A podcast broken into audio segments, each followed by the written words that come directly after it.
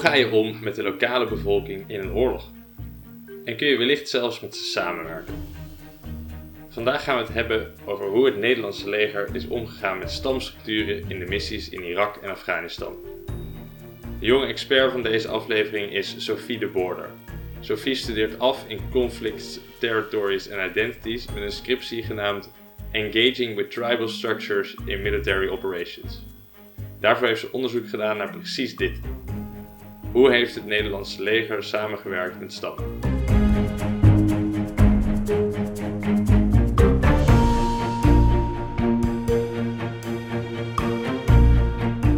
Jij studeert in, uh, in Nijmegen aan de Radboud Universiteit en je bent bezig met het afronden van je master in Conflict Territories and Identities. Klopt. Waar gaat, waar gaat die master over? Uh, nou ja, het is een soort richting in conflict studies gekoppeld aan geografie, want daar valt deze master in Nijmegen onder. Uh, en identiteitsgevoelens. Dus wat doen bijvoorbeeld grenzen met conflict? En dan heb je natuurlijk Israël-Palestina als goed voorbeeld. Maar wat doet dat met conflict, maar ook met identiteit, gevoelens van mensen en hoe zit dat in de hoofden van mensen? Dus borders in the minds of people. Dus ja, het is een beetje, het is een hele aparte benadering van conflictstudies gekoppeld aan geografie. Okay. Um, speciaal in Nijmegen doen ze dat. Nou, leuk dat je hier vandaag daarover komt vertellen. Um, je hebt onderzoek gedaan naar um, hoe de Nederlandse militaire operaties hebben samengewerkt met stammen in de regio. Uh, working with tribes in military operations, zo ja. heet je studie. Um, en nou, waar, heel kort, waar gaat het over? Wat is de, wat is de, de vraag? Um, nou, de vraag is eigenlijk, uh, je hebt natuurlijk in, in bepaalde samenlevingen hele traditionele uh, sociale structuren. En in sommige samenlevingen in het Midden-Oosten, waar wij als um, uh, Nederlandse krijgsmacht actief zijn, heb je dus stamsamenlevingen. En die zijn daar heel belangrijk in bepaalde delen. het wisselt wel hoe belangrijk ze zijn. Maar wetende dat je daar een militaire operatie op poot zet, moet je ook rekening houden met die stammen en hoe ga je daarmee om. En dat vond ik een interessante vraag. Dus eigenlijk is zo die thesis een beetje ontstaan. Um, en ik ben nagedenken hoe hebben we daarmee samengewerkt en op geanticipeerd. Dus daar draait eigenlijk die, die scriptie uh, om. En gaat het dan over het Midden-Oosten in het algemeen of gaat het over specifieke landen? Uh, nou, ik heb alleen gekeken naar Irak en Afghanistan. Maar je hebt die, die sociale structuren die ik dan beschrijf als stamstructuren. Die vind je ook in Jemen heel sterk en in Pakistan. Um, en uiteindelijk, ze zijn heel verschillend hoor. Dat, dat zeg ik absoluut niet dat ze hetzelfde zijn. Maar um, soortgelijke systemen vind je in veel landen in het Midden-Oosten. Zeker ook in Saudi-Arabië, in Jordanië is het heel sterk aanwezig. Uh, dus je kan deze, dit onderwerp echt breder trekken dan alleen Irak en Afghanistan. Oké. Okay. Nou, wat ik me dan afvraag, wij gaan daar naartoe met een heel leger, een hele hoop mensen en um, nou, met allemaal wapens. En de, je, je, hebt best wel overmacht daar. Ja. Wat maakt zo'n stam dan eigenlijk uit? Want je zou denken, weet je, we kunnen ze toch wel de baas. Ja, en dat is eigenlijk het, het, het principe wat heel lang um, geregeerd heeft. Niet alleen uh, bij mensen die er zo over horen, maar ook binnen Defensie.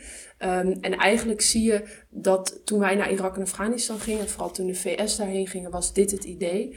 En daar aankomende hebben zij een, een, uh, een, een, land eigenlijk gezien en, en een samenleving waarvan zij heel weinig snapten.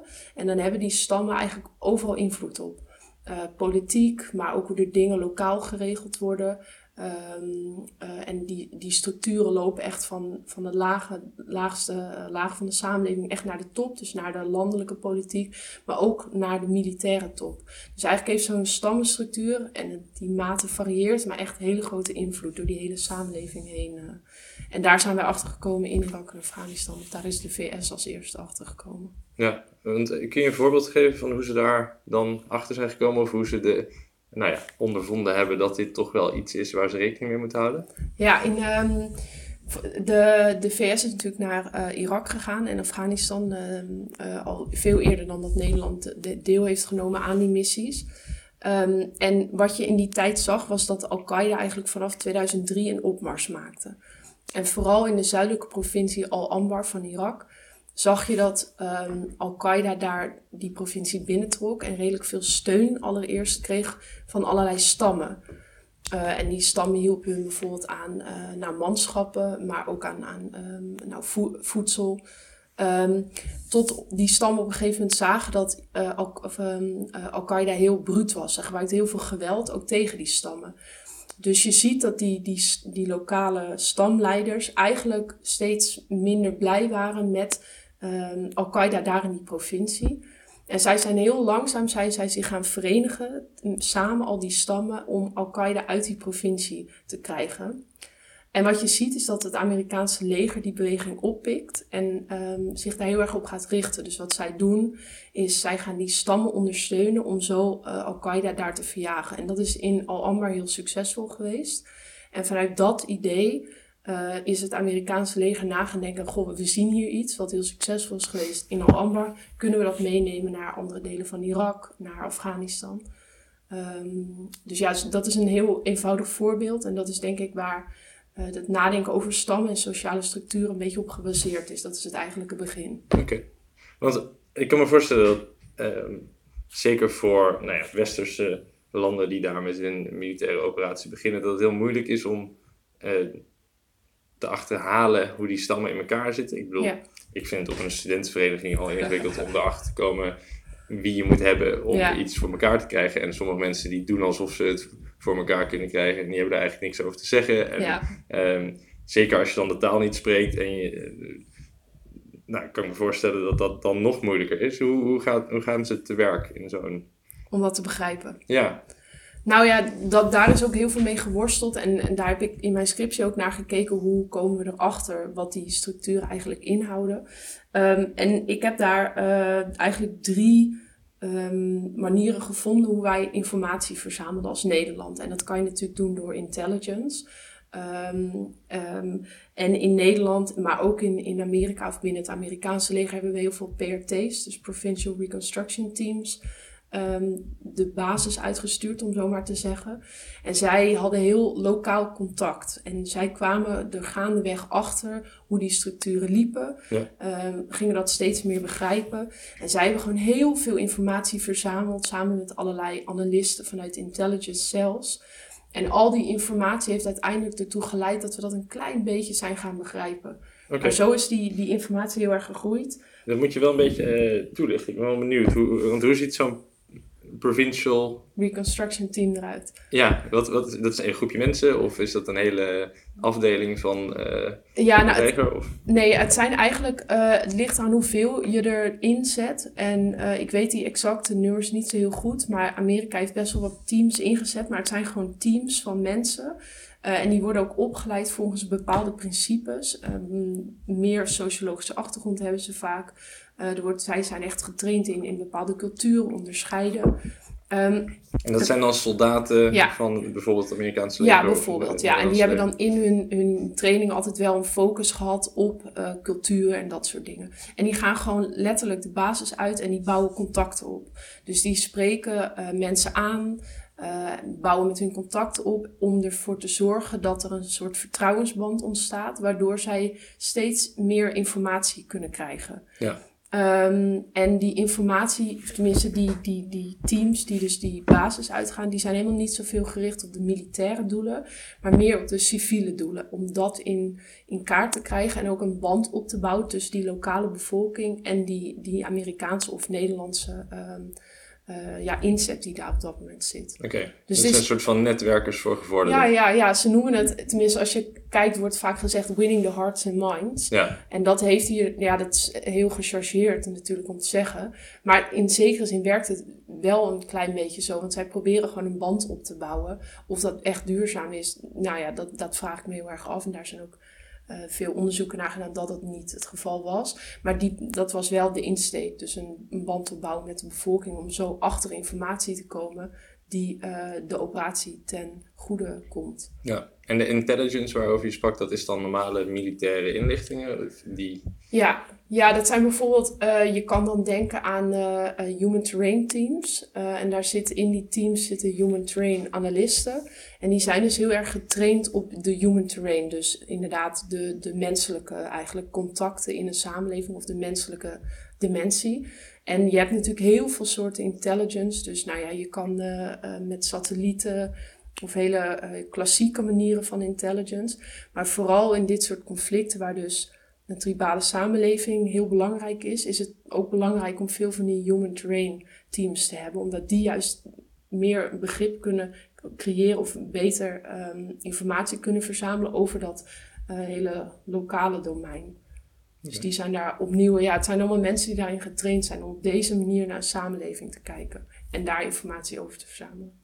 En je noemde de vraag dat je niet zeker weet of dat een duurzame uh, relatie oplevert. Mm Hoe nu te werk wordt gegaan. Is dat ook iets waar je naar hebt gekeken in je onderzoek? Ja, zeker. Um, ik heb natuurlijk gekeken naar um, het, het, hoe Nederland heeft geanticipeerd op en samengewerkt met.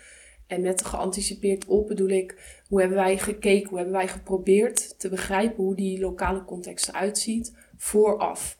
Uh, en met uh, working with bedoel ik echt het samenwerken met ten behoeve van de operatie. En wat je eigenlijk in beide ziet, dus in zowel die kennisvergaring als het samenwerken, dat het helemaal niet duurzaam is. Dat er op dat moment tijdens de operatie soms een goede band werd opgebouwd. Dat we bepaalde dingen voor elkaar kregen met stamleiders, omdat de contacten er waren. Maar wat je ziet is, zodra wij weg waren, vervalt het hele, die hele samenleving in hoe het was. Dus uh, bijvoorbeeld, als je kijkt naar, uh, er zijn twee stammen die conflict met elkaar hebben. En jij gaat daar op de een of andere manier in bemiddelen. Of je zorgt dat uh, juist een stam die heel veel uh, stabiliteit brengt in een gebied, dat die wat machtiger wordt. En dat die dus machtiger wordt machtiger wordt dan die stam die um, geen stabiliteit brengt. Dat je dat wel kan bewerkstelligen, maar zodra je weggaat als Nederland of Amerika zijnde, dat die tribale balans eigenlijk vervalt in hoe het altijd was. Dus dat, dat bedoel ik ook een beetje met die, die effecten. Die waren er toen wel, maar die zijn absoluut niet duurzaam geweest. Terwijl het een hele interessante. Uh, die balans is heel interessant ook voor de verdere toekomst van natuurlijk peacebuilding uh, en state building. Ja, want ik kan me voorstellen dat zolang je er bent, ja. het voor je operatie wel heel veel oplevert. Maar Zeker. Ik denk dat als dan de Nederlandse commandanten terugkomen en zeggen, nou netto was het een supergoed idee om samen te werken met de stammen. Maar ja. um, worden ook de effecten van die militaire operaties er niet gedaan? Of zijn het de, vooral de effecten op de stammen zelf die weer terugkeren naar hoe ze waren? Nou ja, als je kijkt naar zo'n militaire operatie, heeft uiteindelijk um, je wil stabiliteit brengen, je wil de overheid opbouwen. Um, en die stabiliteit brengen en het opbouwen van die overheid, dat kun je dus doen door onder andere ook uh, te zorgen dat bepaalde stammen met elkaar gaan praten. En, en daar wordt dan bijvoorbeeld een soort council gevormd op een regionaal of een, provinciaal niveau. En die hebben natuurlijk effect op, op, op hoe dat zaken landelijk geregeld worden. Um, dus het is zeker van belang voor een militaire operatie. Alleen ik denk dat je die belangen, dat samenwerken met, met stammen, moet je echt als een hele kleine basis uh, inschieten. Dus die missie draait er absoluut niet om. Maar als je dat in de basis goed geregeld hebt, komt dat denk ik wel ten behoeve aan de operatie in zijn geheel. Dus ik denk dat je het meer zo moet zien uh, op die manier. Oké. En heeft het Nederlandse leger in Afghanistan en Irak er iets aan gehad? Uh, ja, dat, wat een heel grappig woord is, wat, wat ik tijdens mijn interviews heel veel gehoord heb, is plaatselijk en tijdelijk zijn er inderdaad resultaten behaald.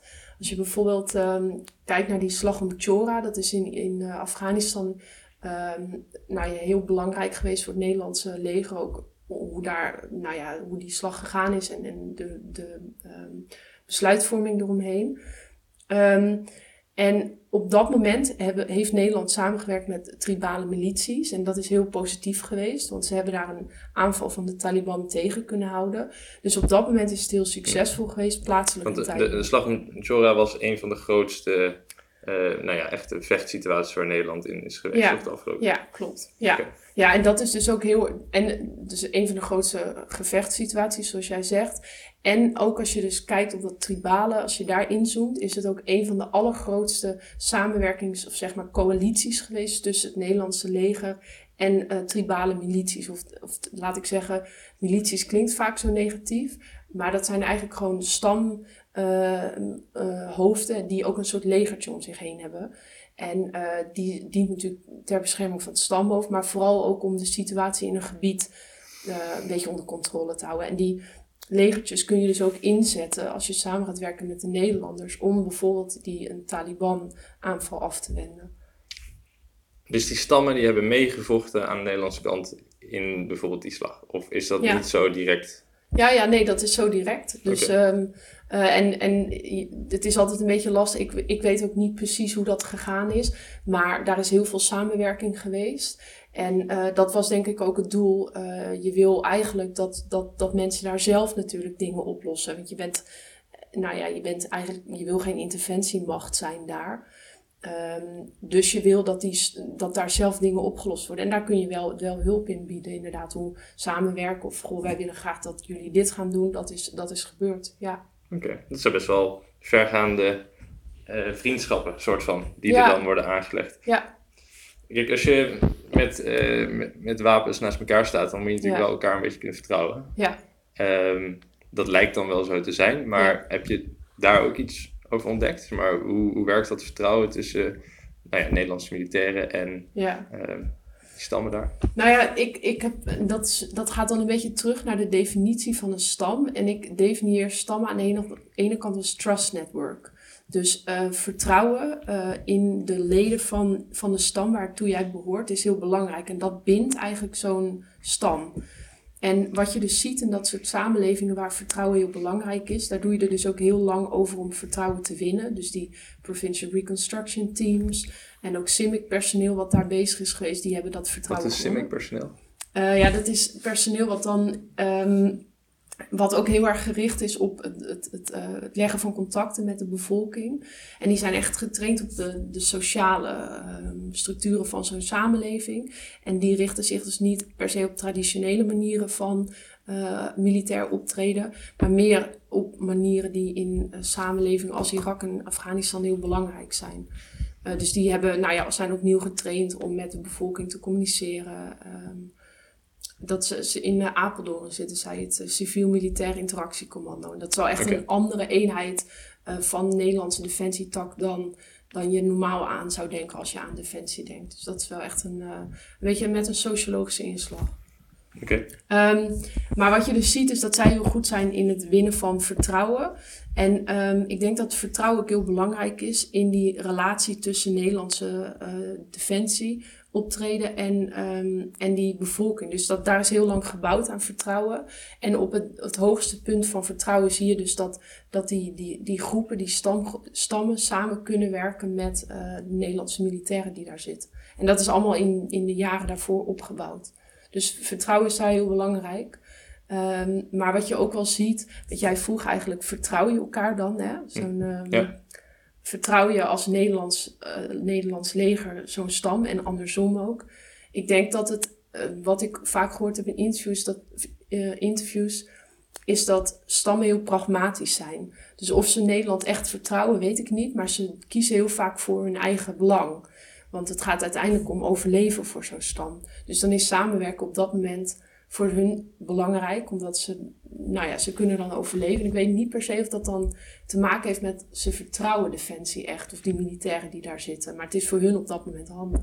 Wat voor dingen doet het Nederlandse leger terug om die stammen uh, een soort van ja, te bedanken of een incentive te geven om, ja. om mee te doen? Um, nou ja, dat bedanken, dat is, uh, dat is ook iets wat ik noem, dat is heel, heel lastig geweest. Want hoe bedank je die stammen eigenlijk achteraf?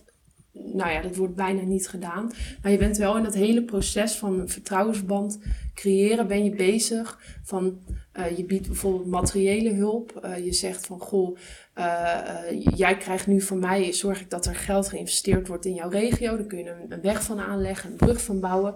Dat komt jou ten goede.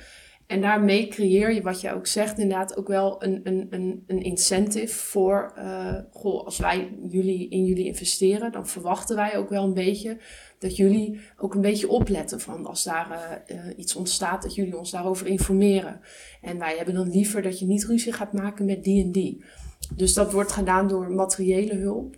Uh, maar ook diplomatieke hulp. Dus wij kunnen, er is bijvoorbeeld uh, gezegd van geholpen met, met het opzetten van die councils. En bepaalde belangrijke figuren hebben wat meer macht gekregen of die zijn wat geholpen. Um, dus dat, is, dat hebben wij zo bij die incentives gecreëerd. Um, En daar is Nederland eigenlijk wel heel goed in geweest. In die diplomatieke support, materiële support. Uh, maar ook immaterieel door uh, niet per se wapens te leveren. Maar je kan bijvoorbeeld wel zeggen, nou jullie krijgen van ons zonnepanelen, wat ook gedaan is. Uh, en daar creëer je een bepaalde vriendschappelijke relatie mee. Eerder zei je, als je weggaat, gaat veel weer terug naar hoe het was. Ja. Komt het ook voor dat die invloed die zo'n militaire aanwezigheid heeft op hoe die stammen zich organiseren onderling, ehm, een schadelijk gevolg had daarna. Dat bijvoorbeeld een stam die normaal eigenlijk klein is, maar met hulp van een, een westers mm. leger opeens wel machtig was. Um, bijvoorbeeld vijanden heeft gemaakt en dat het daarna ja, uh, dat... ruzie was. Nou ja, weet je, kijk, dat is een heel, een heel heikel punt. Want je bemoeit je dus ergens vanuit westers perspectief met een samenleving die wij nooit kunnen begrijpen. Dat, ik, laat ik dat vooropstellen. We hebben heel erg ons best gedaan. Maar uiteindelijk staat het zo ver van onze westerse manieren van omgang en hoe onze westerse samenleving georganiseerd is af. Dat je bemoeit je toch vanuit onze visie met uh, de tribale balans daar. En daar ga je een beetje in vroeten. En daar breng je soms ongewild veranderingen in aan. Uh, en ik vraag me af, en, en dat zie je ook heel veel in de wetenschappelijke literatuur terug, of dat op lange termijn wel verstandig is. Want uiteindelijk, zeker met die stamstructuren, die structuren bestaan al echt honderden jaren. Dus in hoeverre wil je daarin gaan voeten? Uh, want die balans, er is een bepaalde balans. En als je, daar, nou ja, als je die uh, verstoort, dan er zijn ook zeker wel voorbeelden van waar die, die verstoring van die balans op korte termijn geen positief effect gehad heeft. Dus dat je bijvoorbeeld ziet dat, uh, dat er een soort veet ontstaat tussen verschillende stammen. En dat die veet eigenlijk veel meer groeit. En dat, dat je je af kan vragen waarom groeit die? Ja, geen idee. Want we weten niet hoe die structuren echt werken. Uh, en dat je dan wel denkt, ja, misschien hadden we daar niet zo mee bezig moeten zijn. Is dat ook onderdeel van de conclusie van je onderzoek? Of waar focust uiteindelijk uh, die conclusies op? Nou, meer op de manier hoe hebben wij geprobeerd te begrijpen hoe stammen werken en hoe hebben wij geprobeerd om uh, die zeg maar samen te werken met die stammen. En wat ik, ik kom niet zozeer op, op, op die balans dat we daarin hebben lopen voet en dat dat slecht geweest is. Maar ik kom meer tot de conclusie dat wat ik eigenlijk net ook zei. We hebben heel erg ons best gedaan en we zijn best wel succesvol geweest als Nederland, denk ik. Heeft dat te maken met onze mentaliteit, dat we openstaan voor andere culturen misschien. Maar daar zijn wij wel redelijk goed in geweest. Zeker als je vergelijkt met bijvoorbeeld het Amerikaanse leger in de beginjaren in Irak en Afghanistan. Maar mijn conclusie is eigenlijk, we hebben geprobeerd te begrijpen. Maar echt begrijpen, echt understanding is nooit gelukt. En ik denk dat het ook nooit gaat, gelukken, gaat lukken. Uh, want ja, met ons westerse perspectief wij kunnen nooit zo diep in die samenleving integreren dat wij echt gaan begrijpen hoe daar lijntjes lopen, waarom dingen gedaan worden. Dat is denk ik de overall conclusie uh, van mijn onderzoek. Ja, dus we kunnen het niet helemaal begrijpen. Ja. Het kan wel nuttig zijn. Zeker. Um, dus we moeten het vooral blijven doen, maar ja. opletten met dat we niet uh, ja. te veel veranderen daar. Klopt. Ja, dat is, ik heb dat, het, het verschil tussen knowledge of en understanding genoemd. En wij hebben heel veel knowledge van stamstructuren en hoe dingen lopen, hoe we dat kunnen beïnvloeden en gebruiken, hoe we samen kunnen werken. Maar het, het is, we hebben een, een lack of understanding gehad. Uh, en, dat is heel interessant. Uh, en ik denk dat dat ook perspectief voor de toekomst biedt voor Defensie om uh, veel meer vanuit het perspectief van de ander te denken. En ik denk ook zeker dat als je dat gaat doen met allerlei sociologen, antropologen en mensen die in die samenleving opgegroeid zijn, als je die onderzoek laat doen voor Defensie, dat we dan meer gaan begrijpen, dus meer understanding creëren. Wat denk ik operaties in de toekomst ten goede kan komen. Oké. Okay. Sophie, dankjewel. Graag gedaan. Bedankt om even een inkijkje te krijgen in uh, nou, hoe dat werkt daar in Afghanistan en Irak. En Ehm, wat wij daar als Nederlands leger hebben gedaan. Ja. Um, het gaat vaak over nou ja, iets waar we het nu ook over hebben gehad, het Amerikaanse leger. Maar um, het is altijd moeilijker om te ontdekken wat Nederland daar doet. En ik denk dat dit een leuk idee geeft van uh, hoe dat werkt. Dankjewel. Graag gedaan. Dit was de Atlantische Blik, een podcast van de Jonge Atlantici. Vond je dit interessant en wil je vaker van jonge experts horen hoe het staat met de internationale politiek en veiligheid? Volg dan onze podcast, nieuwsbrief of kom naar een van onze evenementen. Mijn naam is Hugo van der Heijden. Tot de volgende keer.